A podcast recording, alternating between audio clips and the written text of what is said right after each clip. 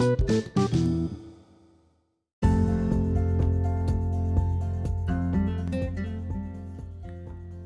jumpa lagi dengan saya Christian Guswai. Di episode ini, saya akan berbagi tiga tips memastikan sales tetap tinggi. Jika menghadapi penurunan sales atau penjualan, saya kerap kali ditanya oleh klien saya, apa yang harus dilakukan? Saya mempunyai jawaban saya sendiri yang sudah dituangkan di dalam kedua buku saya. Namun kali ini saya ingin membagi tips yang diterapkan oleh Walmart dan bagaimana kita bisa mengambil pelajaran dari tips tersebut.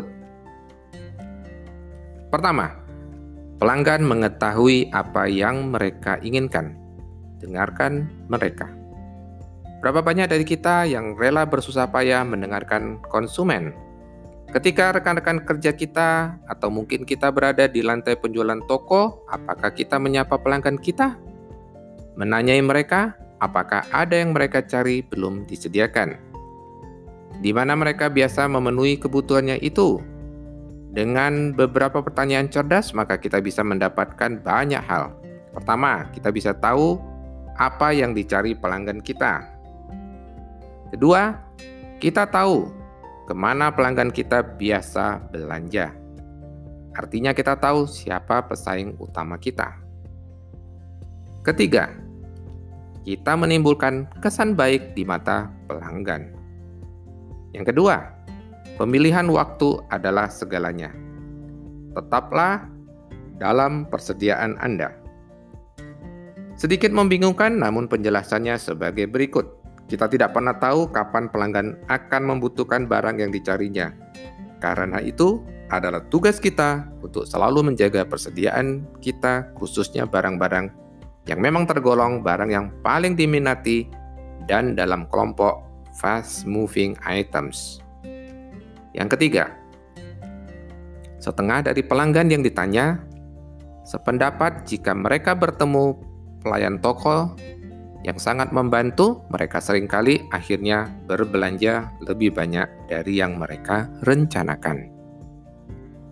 Saya pernah mengalami sendiri hal ini. Suatu hari saya membantu seorang bapak-bapak yang cukup berumur di lorong toko di kategori kopi dan teh. Meski agak ragu-ragu karena saya tidak mengenakan seragam petugas toko, si bapak tadi memberanikan diri bertanya mengenai kopi tarik instan yang sedang dicarinya. Saya segera membawa bapak tersebut ke lorong lain di mana kategori kopi instan diletakkan. Kemudian saya menyodorkan beberapa kopi tarik instan kepadanya.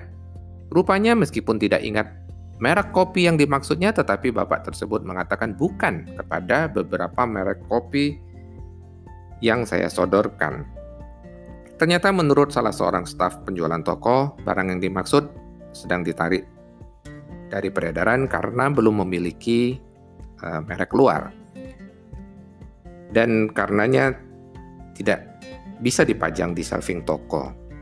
Segera saja saya sampaikan bahwa kopi tarik instan yang dicarinya sudah habis dan saya menyodorkan merek lain yang sudah pernah saya coba.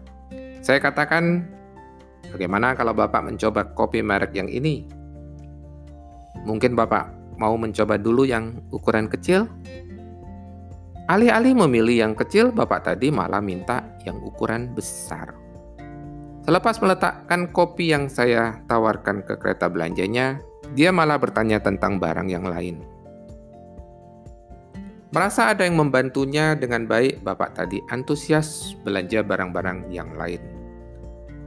Inilah suatu contoh nyata bahwa sesungguhnya sales bisa diciptakan. Di bisnis retail, banyak retail berpikir bahwa retail adalah penjualan pasif. Buka toko, pelanggan datang membeli. Memang betul, setelah mereka masuk, maka tugas Anda menciptakan penjualan. Lakukan sesuatu, pasti ada hasilnya. Demikian episode kita kali ini. Semoga bermanfaat. Sampai kita jumpa lagi di edisi mendatang. Salam, grow, and prosper.